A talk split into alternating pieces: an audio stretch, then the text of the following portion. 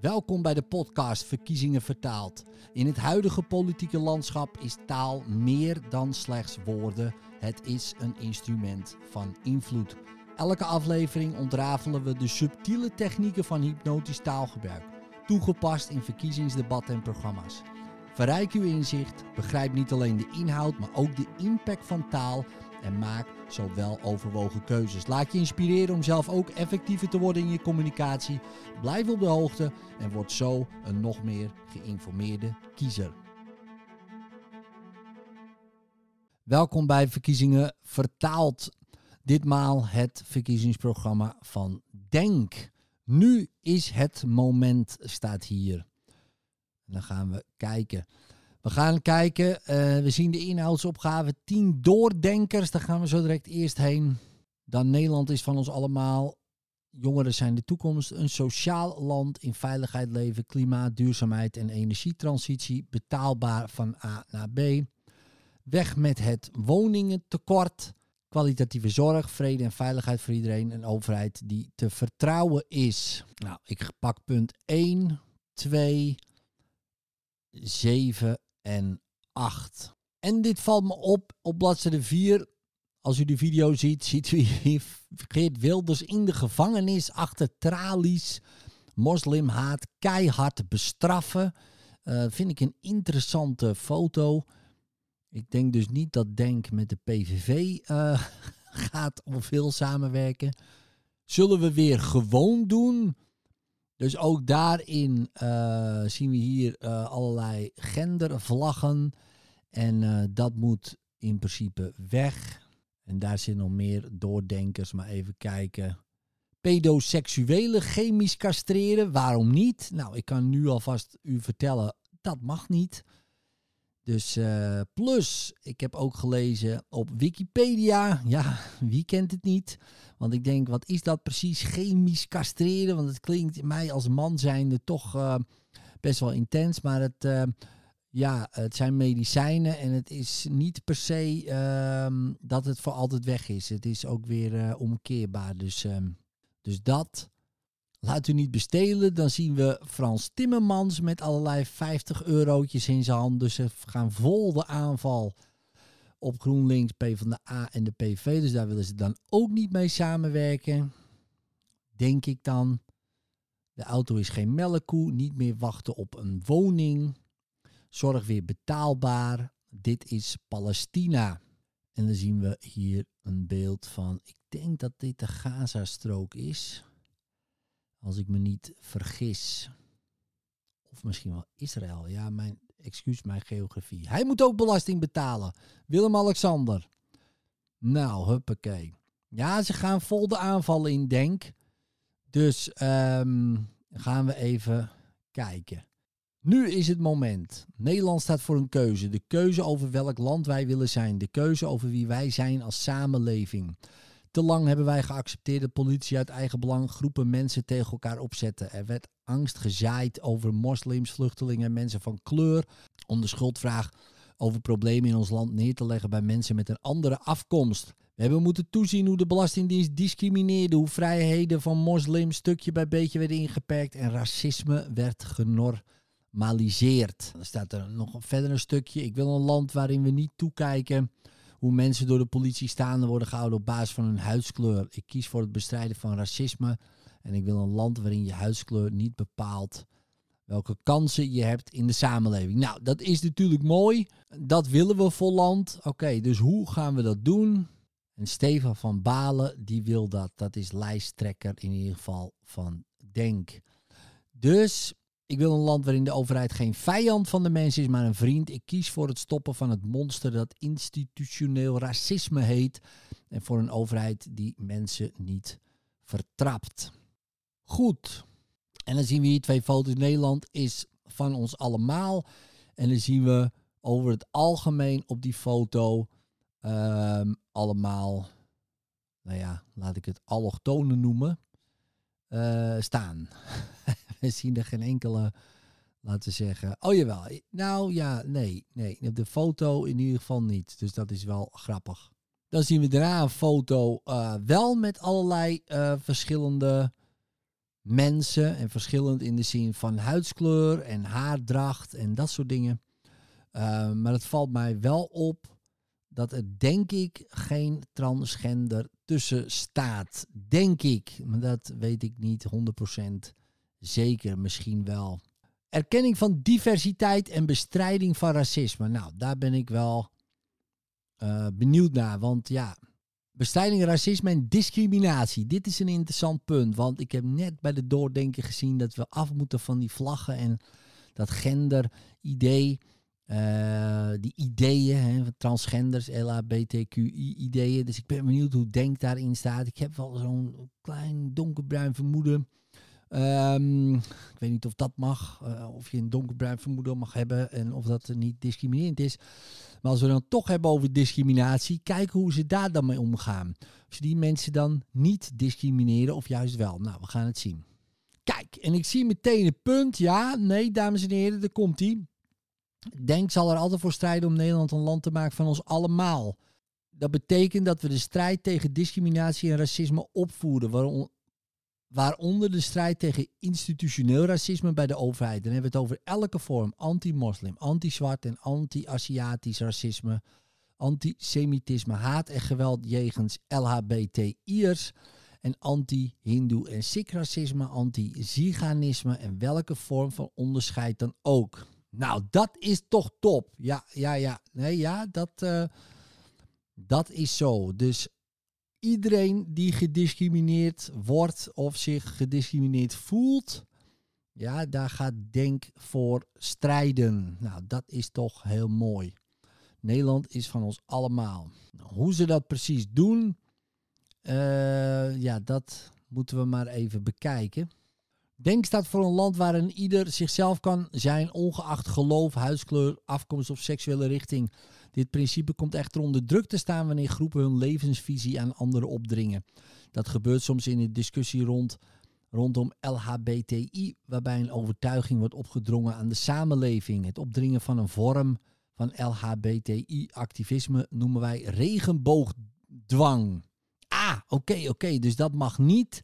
Maar dan ga ik even advocaat van de duivel spelen. Een suikerfeest mag wel. En Ramadan mag wel. En daar moeten we wel natuurlijk. Want dat is natuurlijk weer wat anders. En dat noemen we dan niet Ramadan-dwang. Dat als ik mensen in dienst heb en zeg: Ja, ja, hallo, uh, we eten gewoon. En uh, prima dat jij niet eet, maar gewoon werken. ja, en dan is dat misschien niet goed. Maar ja, het is misschien weer anders, hè? Vrijheid van godsdienst. Goed, Um, het verplichten van het dragen van een One Love band of het moeten meedoen met Paarse Vrijdag. Indien men daar niet aan meedoet, dan volgt vaak stigmatisering. Denk verzet zich tegen deze regenboogdwang. Oké, ja, dat vind ik interessant.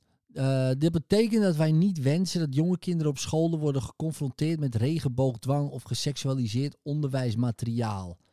Oké, ja, daarom vind Denk dat ouders in de positie moeten worden gebracht om te bepalen welke vormen van geseksualiseerd onderwijs zij hun kinderen aan willen blootstellen, of juist niet.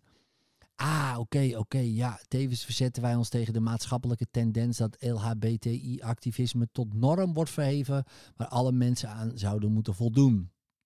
Iedereen moet geaccepteerd worden, maar dat betekent niet dat een bepaalde levenswijze opgedrongen mag worden. Aha! Ja, en dat is interessant, want uh, wat betekent dat precies? De christelijke levenswijze ook niet. Dus dan uh, afschaffen van uh, kerst. En um, dat is eigenlijk ook opgedrongen christelijke um, geloof. Hè? Dus Jezus. Ik bedoel, hallo, ik geloof niet in Jezus, maar ik ga wel lekker kerst vieren. Of Pasen. Ik geloof helemaal niet dat die man is gestorven aan het kruis en opgestaan is. maar ik vier wel Pasen. Nou ja, stoppen dan. En dat ding, ja, dat mag je niet opdringen. Dus ook geen Ramadan opdringen, suikerfeest niet, Ketty ook niet. Hè? Dus 1 juli feestdag, waarom? Ik ga niet dat, dat mij opgedrongen worden. Maar goed, dan zegt u, ja, dat is geen levenswijze. Nee, maar dat wordt mij wel opgedrongen en ik ben het daar niet mee eens. Dus ja, nee, dit schuurt wel een beetje, moet ik toegeven. Dit schuurt een klein beetje, dus ik ben benieuwd. Nou, er zijn er nog allemaal punten, maar ik ga even verder. Religieuze vrijheid. Kijk, want dat is natuurlijk wel ehm, ja, interessant. Denk koester de aanwezigheid en de rol van religie in ons land. Er dient meer erkenning te komen voor de onmisbare meerwaarde van religieuze gemeenschappen. Oké, Denk blijft onomwonden staan achter het recht op bijzonder en religieus onderwijs. Oké, dus dat mag. De consumptie van halal of kosher vlees blijft altijd mogelijk. Ja, oké, oké. We voeren een verplichting in voor stilteruimtes. Oh, in belangrijke publiek toegankelijke gebouwen, werkplekken en scholen. Vrije dagen voor verschillende religieuze feestdagen. Oké, ja, daar gaan we. Wettelijk wordt erkend, zoals het Ramadanfeest, uh, Holi, Diwali, Yom Kippur, Vaisaki en het offerfeest. Oh, maar goed, ja, dus een religie is geen levenshouding. Nee, hoe, hoe noemden ze dat ook alweer? Even kijken. Levenswijze, uh, excuus. Uh, religie is volgens mij ook een levenswijze en dat wordt nu opgedrongen door uh, dit soort feesten wettelijk erkend en, en vrij te krijgen. Nu moet ik toegeven, dames en heren, ik vind het prima. U ook denken. Uh, zo van ja, waarom niet? Ik weet niet eens wat het betekent, die wali. Maar dat geeft niet. Ik heb vrij. Heel veel mensen weten ook niet wat Pinksteren betekent. Maar dat geeft niet. Ze hebben vrij. Het recht op de gebedsoproep wordt wettelijk geborgd. Het recht op het luiden van de kerkklok en laten horen van de islamitische gebedsoproep gaan wij wettelijk vastleggen. Oké, en hoe laat is dat dan? Want ik weet nog wel dat, dat soms misschien vijf, zes uur ochtends dan, dan, dan komen ze al. Ja, u zal ernaast wonen. Uh, ik moet toegeven, ik heb dat wel. Kijk, als, als je in zo'n land bent, is dat echt mooi. Maar als je ernaast woont, in bijvoorbeeld Rotterdam Zuid dan kan dat nog even anders zijn. Eeuwigdurende grafrust wordt geborgd. Ah, eeuwigdurend. En dan word je niet weer uh, opgegraven en dat soort dingen. Oké, ja, nou, dit uh, is wel interessant. Oh, dit is ook een goeie. Naming en shaming. Discriminerende bedrijven worden publiekelijk aan de schandpaal genageld en krijgen geen overheidsopdrachten meer. Maar ja, dat is dus wel een punt wat ze willen gaan doen. En wanneer is het dan discriminatie? Want ja, dat, uh, dat lijkt heel logisch. Hè? Ja, ja, we baseren het op uh, huidskleur bijvoorbeeld. Uh, maar stelt u zich voor, u baseert het gewoon op kwaliteit, hè? talent. U heeft Jan en Ahmed. En Jan, ja, die, die presteert gewoon net ietsje beter. Of allebei. Allebei precies hetzelfde. Misschien zelfs Ahmed nog wel ietsje beter. Maar Jan past beter in de cultuur van het bedrijf. Ja, om verschillende redenen. Hè. Hetzelfde waarde en, en Ahmed niet. Is wel een hele goede, maar past net niet in de cultuur. Is het dan discriminatie? Want je zou kunnen zeggen, qua competenties is Ahmed beter. Ja, en hoe gaan we dat dan toetsen aan discriminatie? Want als Ahmed dan gaat zeggen, ja maar wacht eens even, ik ben gediscrimineerd en het bedrijf wordt aan de schandpaal genageld, krijgt niks meer. Ja, dan ehm, gaan we dan niet Ahmed nemen ten faveur van Jan. Ja, want we willen niet publiek aan de schandpaal worden genageld en de hele cultuur wordt misschien wel verziekt. Ja, niet per se omdat Ahmed uh, een andere huiskleur heeft of een andere afkomst, maar gewoon omdat hij een andere waarden heeft. Dat kan, hè? ik bedoel, ieder mens is anders. Dus ja, dat vind ik ook een hele interessante. Dan gaan we kijken. Een wettelijk verbod op Koranverbranding en verscheuren. Het verbranden of verscheuren van de Koran of andere heilige geschriften wordt strafbaar. Oké, nou ja, dan wees ook een punt. Dan weet u dat maar. Dan gaan we even verder. Oh, hier, dit valt mij op van de slavernij. Het Koningshuis betaalt de 500 miljoen euro terug die zij hebben verdiend aan de handel in tot slaafgemaakte. Oké. Ja, dan uh, kunnen we ieder land wel, uh, wel vragen. Ja, we hebben het nu natuurlijk over Nederland. Maar als we kijken wat misschien Turkije moet terugbetalen aan al die landen die ze veroverd hebben en daar rijk van zijn geworden. Of uh, ja, noem maar ieder willekeurig land bijna. Ja, dan blijven we aan de gang. Ja, En hoe gaan we dat doen? Dus ik vind het interessant. Ik vind het interessant. En hier staat het ook. Katie Kotti wordt de nationale feestdag. Zwarte Piet wordt wettelijk verboden. Maar stelt u voor, dat is on uw levenswijze. Dan wordt dat dus verboden. Dus ook hier schuurt het weer aan alle kanten natuurlijk. Uh, van ja, en ik snap het wel. Hè, het, het hoeft ook niet per se. Hè, waarom? Dat snap ik allemaal. Maar ja, ja, ja, ja, ja.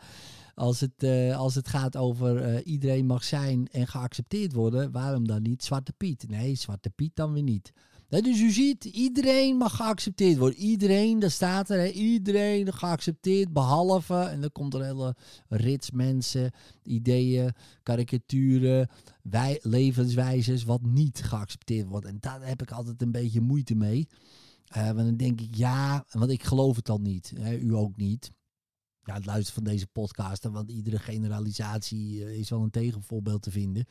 En dan uh, leest u dat, denk je, iedereen geaccepteerd worden. Dan denk je, ja, ja, oké, we gaan lezen wie niet. en dan komt u er vanzelf wel achter. Jongeren zijn de toekomst. Nou, dat gaan we zien. En ook hier weer zien we dan foto van jongeren. Uh, alleen maar allochtone jongeren. Prima natuurlijk. Um, maar dat is wel opvallend dan. De coronacrisis heeft het diep ingehakt bij onze jongeren. Voor hen betekende de coronacrisis dat ze te maken kregen met fysieke en psychische problemen. Hun leven stond stil in een periode waarin ze moeten bloeien en groeien. Dat zien we ook als het gaat om de onderwijsprestaties. Jongeren hebben veel achterstanden moeten inhalen en dat is helaas lang niet bij iedereen gelukt. Denk wil daarom blijvend aandacht voor die generatie die een deel van hun jeugd heeft moeten missen door corona. Nou, heel mooi. Hoe gaan we dat dan doen? We voeren een minister voor kansengelijkheid in. Deze minister moet er op alle vlakken voor zorgen dat we gecoördineerd werken aan gelijke kansen. Jongerenagenda. Denk wel dat er een volledige compensatie komt voor de studieschuld van de pechgeneratie. De rente op studieschuld altijd op 0%. Basisbeurs, aanvullende beurs wordt verhoogd. Denk wil gezondere schoolgebouwen. Denk verhoogde financiering daarom tot het gewenste niveau. Oh, en wat is dat gewenste niveau dan? Zero tolerance beleid voor stage discriminatie. Die doen wij door mystery guests in te zetten. Oeh, de overheid voert een stagegarantie in om voor iedere jongere een stageplaats te garanderen. Denk wil het minimumloon voor jongeren verhogen. Jongeren moeten een eerlijke vergoeding ontvangen voor hun werk. Jongeren worden ook niet meer uitgezonderd van bescherming op de arbeidsmarkt. Ja, en ze willen het lerarentekort tegengaan door betere arbeidsvoorwaarden aan te bieden voor docenten in het algemeen. In het bijzonder voor die leraren die werkzaam zijn in kwetsbare gebieden. Aha. Uh, ze willen makkelijker een huurwoning voor leraren. Het aantrekkelijker maken van de lera lerarenopleiding. De halvering van het collegegeld voor lerarenopleiding blijft. Daarom ook na 2024, 2025 van kracht vanaf het collegejaar 25, 26 schaffen wij het college geld voor alle opleidingen voor de zorg en het onderwijs af. Om het personeelstekort in deze sectoren weg te werken. Nou, dat is uh, nou, niet eens zo'n slecht punt natuurlijk. Kleinere klassen, maximale klassengrootte. Ja, hoeveel precies staat hier niet bij. Sommige partijen zeggen 21, andere 23. Je denkt, zegt dat uh, daar niet bij. Maar ja, hoe ze dat dan precies gaan doen, dat uh, staat er niet. Ja, betere arbeidsvoorwaarden. Maar ja, vergeleken met wat? Wat is beter? Hè? Dus 1 euro erbij is al beter. Dus ja, dat is uh, lastig. Wij willen de doorgeslagen aanwezigheid van geseksualiseerd onderwijsmateriaal terugdringen. Ook geen regenboogdwang in het onderwijs. Ouders krijgen zeggenschap over het doseren van onderwijs over seksualiteit en voortplanting aan hun kinderen. Aha. Ja, uh, ja, ik weet niet hoe het uh, daarmee gesteld is. Mijn jongens die zijn al, uh, de, de jongste is 16 op het moment van inspreken. Ja, ik heb er nooit wat van gehoord, maar misschien is het in die tien jaar tijd extreem en enorm veranderd. Dat, dat zou kunnen. Um, ja, betekent dat gewoon helemaal geen onderwijs daarover? Ook geen social media kijken op TikTok of zo. Want uh, daar wordt ook genoeg gedeeld. Nou goed, Weekendscholen, gebaseerd op religieus gedachtegoed zoals Koranscholen, komen niet onder inspectietoezicht te staan. Oké, dus we kunnen gewoon in het weekend een schooltje beginnen en kinderen gewoon alles wijsmaken wat we willen. Daar komt het eigenlijk op neer. Maar zolang het wel gebaseerd is op religieus gedachtegoed. Nou, dat is mooi. Dus mocht u nog een schooltje willen beginnen in het weekend en uh, kinderen, uh, laten we zeggen, indoctrineren, of laat ik een ander woord gebruiken, uh, leren over religie, hè, uw religie misschien wel, dan, ja, dan hoeft u dat, kunt u dat doen. tenminste, als denk aan de macht is, hè, dan komt er geen inspectie op. Dan kunnen we zeggen wat we willen tegen die kinderen. Nou, als u denkt, lijkt mij een goed punt, dan uh, weet u waar u op kunt gaan stemmen. MKB als motor. Het midden- en kleinbedrijf zorgt voor de banen in ons land. Dan gaan we naar een sociaal land en dan staat er het MKB als motor als punt. Het midden- en kleinbedrijf zorgt voor de banen in ons land. Deze ondernemers verdienen dan ook onze steun. MKB'ers verdienen ook meer zekerheid. De coronacrisis heeft voor grote schulden gezorgd bij ondernemers die zijn nog steeds aan het afbetalen zijn. Wet en regelgeving speelt daarbij ook nog eens een drukkende rol. En u weet dat misschien niet uh, als u geen ondernemer bent. Want uh, u kunt gewoon een belastingregeling uh, aanvragen. om bijvoorbeeld uw coronaschuld af te betalen. Dat kan. ik heb ook van die regelingen gehad, maar ik heb uh, niet veel aangevraagd. Want ik dacht, ja, als ik het zelf kan redden, doe ik het. Want ze komen altijd weer aankloppen. En dat doen ze ook. En, en prima. Dat was ook de deal. Nou, dan moeten mensen dat terugbetalen. Maar als je eenmaal een regeling hebt bij de Belastingdienst, zoals bijvoorbeeld gespreid betalen van uh, je coronaschuld, mag je geen andere regeling bij de Belastingdienst, zoals bijvoorbeeld je inkomstenbelasting uh, verspreid betalen of een andere belasting. Dus linksom, rechtsom kan je te maken krijgen met een enorme uh, enorm bedrag wat je in één keer moet betalen binnen, en dat is altijd een leuk termijn, uh, twee weken of zo, uh, of een maandje. En, en daarom zijn veel mensen ook de sjaak, omdat ze er dan opeens achter komen, oh, er kan maar één regeling getroffen worden. al dus bij een goede kennis van mij gebeurt. Misschien dat u denkt, hé, hey, ik had iemand anders aan de lijn bij de belasting en het kon wel. Nou, speelt u dat gerust dan even door, die, dat telefoonnummer. daar zijn wij allemaal naar op zoek. Maar goed, ik heb gelukkig zelf daar geen problemen door ondervonden. Maar daarom komen er wat ons betreft meer belastingvoordelen voor het MKB. En gaan we voorsnijden in belemmerende regelgeving. Nou, dat is toch... Dat klinkt mij als muziek in de oren al... Ja, weet ik niet wat het betekent. Kan 1% voordeel zijn. dat weten we allemaal niet. Maar oh, oh, wat klinkt dat als muziek. Dan een sociaal minimum. Het is een schande dat in een rijk land als Nederland 1 miljoen Nederlanders in armoede leven. En dat klinkt uh, heftig en het, ik ga het ook zeker niet bagatelliseren. Um, maar de armoedegrens ligt wel uh, hoger als bijvoorbeeld in India. Ja, waar mensen voor 2 euro per dag moeten leven.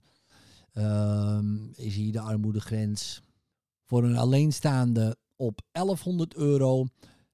En voor een echtpaar is dat 1550 euro. En met twee minderjarige kinderen is de grens voor een paar 2110 euro. Dus als je daaronder komt, dus onder de 2110 euro, leef je in armoede in Nederland. Um, ja, en dat uh, is toch weer anders. Want uh, stel je voor, u heeft 2000 euro in de maand als paar met twee kinderen. Uh, ja, is dat echt heel weinig. Dat weet ik. Zeker met de huur en de energie en de zorgkosten. Uh, begrijpt u mij zeker niet verkeerd. Maar dat is dan de armoedegrens in ons land. En als u kijkt natuurlijk in India bijvoorbeeld, waar 2 euro per dag. Of in Bosnië, waar mensen 300, 400 euro in de maand verdienen. Uh, is dat toch een ander idee van armoede. Dan is de levensstijl ook anders, dat weet ik. Maar ik denk, ik zeg het toch even erbij. Zonder dat ik je daarbij wil bagatelliseren, dames en heren. Want um, ik heb zelf ook in, uh, nou ja, armoede geleefd.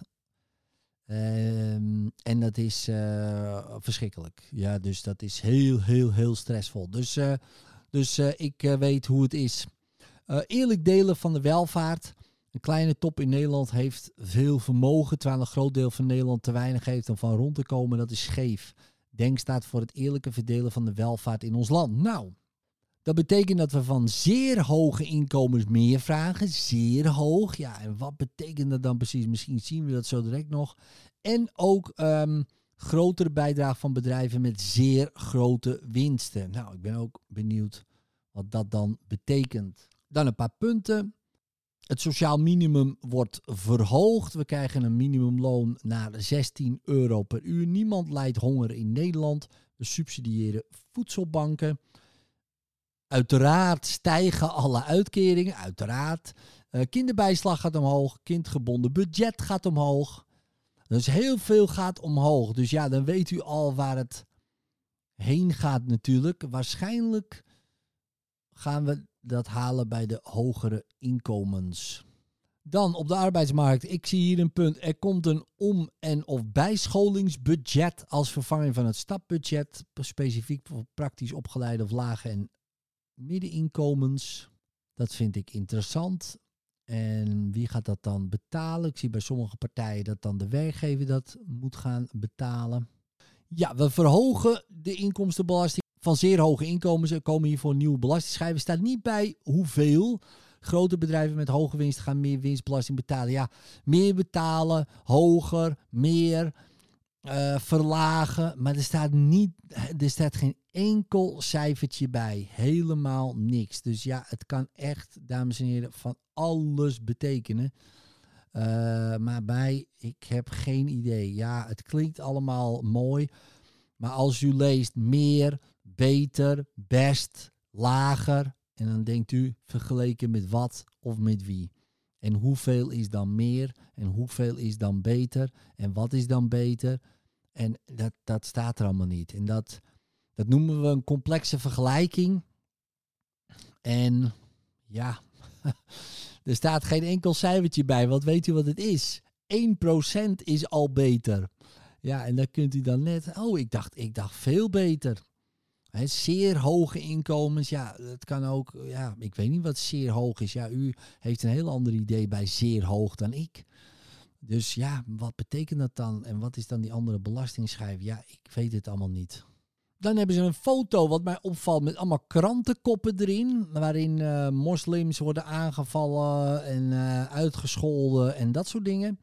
Interessant, want we kunnen natuurlijk net zo goed krantenkopjes neerzetten van, uh, van ja, laten we zeggen, ik noem maar even autochtone mensen die worden uitgescholden door moslims. Um, dus dat is ook een interessante beeldvorming. Nou, dan valt mij één punt ook nog weer even op tijdens het scrollen. Betaalbaar van A naar B. Het was niet per se een punt wat ik wilde A, uh, behandelen. Maar denk de autopartij. Nou, we voeren per direct in dat overal weer 130 km per uur geldt hoor. Hoppa. En we onderzoeken de mogelijkheden om op plekken een pilot te doen met 140 km per uur. Hartstikke idee. Denk, nou, dus als u een heerlijke, fervente autorijder bent, nou, ik had het wel geweten als ik u was. De verkeersboetes voor lichte overtredingen moeten omlaag. Nou, dames en heren, ik kreeg er net eentje binnen voor een paar kilometer te hard. En dan weet u wat dat betekent. Dat was toch wel even 65 euro voor die paar kilometer. Oeh, en dat willen ze omlaag. We verlagen de accijns op benzine en diesel. We investeren in meer asfalt waar dat nodig is. En de trein toegankelijker, beter en goedkoper. Nou, dat klinkt allemaal heel erg goed. Maar nogmaals, er zijn twee cijfertjes in, 130 en 140 kilometer. Uh, maar dat is het dan ook. Woningtekort. De woningcrisis mag niet langer de toekomst van onze generaties bepalen. Het is de hoogste tijd om te eisen dat iedereen een eerlijke kans krijgt, een betaalbaar dak boven het hoofd en een samenleving waarin een thuis geen luxe is, maar een onvervreemdbaar recht. Nou, dus de overheid als aanjager van woningbouw. De overheid moet een centrale rol op zich nemen om het enorme woningtekort op te lossen. Dat kunnen we grootschaliger doen en effectiever doen. Daarom wil Denk dat we hier fictie gaan investeren met stimuleringsgelden. Hoe gaan we dat dan weer doen? En om essentiële bouwprojecten door te laten gaan, richten we een rijksbouwbedrijf op. Oké, dus daar kunt u dan ook werken als bouwvakker. betaalbaarheid en huurdersbescherming. Ze willen de huurstijgingen maximeren. Voor groepen op de eh, woningmarkt met de grootste moeilijkheden om een woning te vinden komen specifieke regeling. Speculatie en asociaal winstbejag gaan we tegen. Ja, ook hier ziet u weer hoe precies. Ja, dat weten we niet. Uh, en wat ermee bedoeld wordt, asociaal winstbejag en speculatie, is dat als u één extra huisje hebt en verhuurt, is dat er vanaf drie, is dat vanaf vijf, is dat vanaf tien, is dat vanaf honderd, is dat Prins Bernhard uh, of is dat BlackRock? Ja, dat staat er niet bij, dames en heren. Dus ja, ik, uh, of als u een zoldertje op Airbnb verhuurt, is dat al dan asociaal winstbejag? Nou, dat weten we niet. Even kijken met het bouwen. We leggen wettelijk vast dat 40% van het aantal woningen sociale koop- of huurwoningen moet zijn. 40% betaalbare middenhuur en 20% topsegment. De huurtoeslag gaat omhoog. Huurverhogingen die de koopkracht onder druk zetten, worden zowel in de private als publieke sector aan banden gelegd. Meer generatiewoningen op volgende generaties moeten kunnen blijven wonen in dezelfde buurt. Denk maakt het mogelijk dat woningen aangepast of gebouwd worden om generatiewoningen mogelijk te maken. Ja, en nogmaals, hoe gaan we dat dan doen? Ja, dames en heren. Oh, dit is, vind ik een hele. ik wist dit niet. Ik, ik, dit vind ik echt fantastisch. Een halal-hypotheek. Ja, maar let u op. Veel mensen zijn niet in staat om een woning te kopen vanwege principiële of religieuze bezwaren tegen rente. Die had ik nog nooit van gehoord. Om dit alsnog mogelijk te maken heeft Denk onderstaande voorstel. We voeren een rentevrije hypotheek in, bijvoorbeeld in de huurkoopconstructie. De overheid stelt dit aanbod verplicht of organiseert het zelf. Oh, dames en heren, echt, ik, ik vind dit helemaal geweldig. Ik heb wat geleerd vandaag. Ik wist niet dat je religieuze bezwaren kon hebben tegen rente. Tegen rente, wat is daar een religieus bezwaar aan? Wow, die moet ik even laten landen, dames en heren. Maar ik vind hem echt. Ik denk dat ik ook een religieus bezwaar heb tegen rente.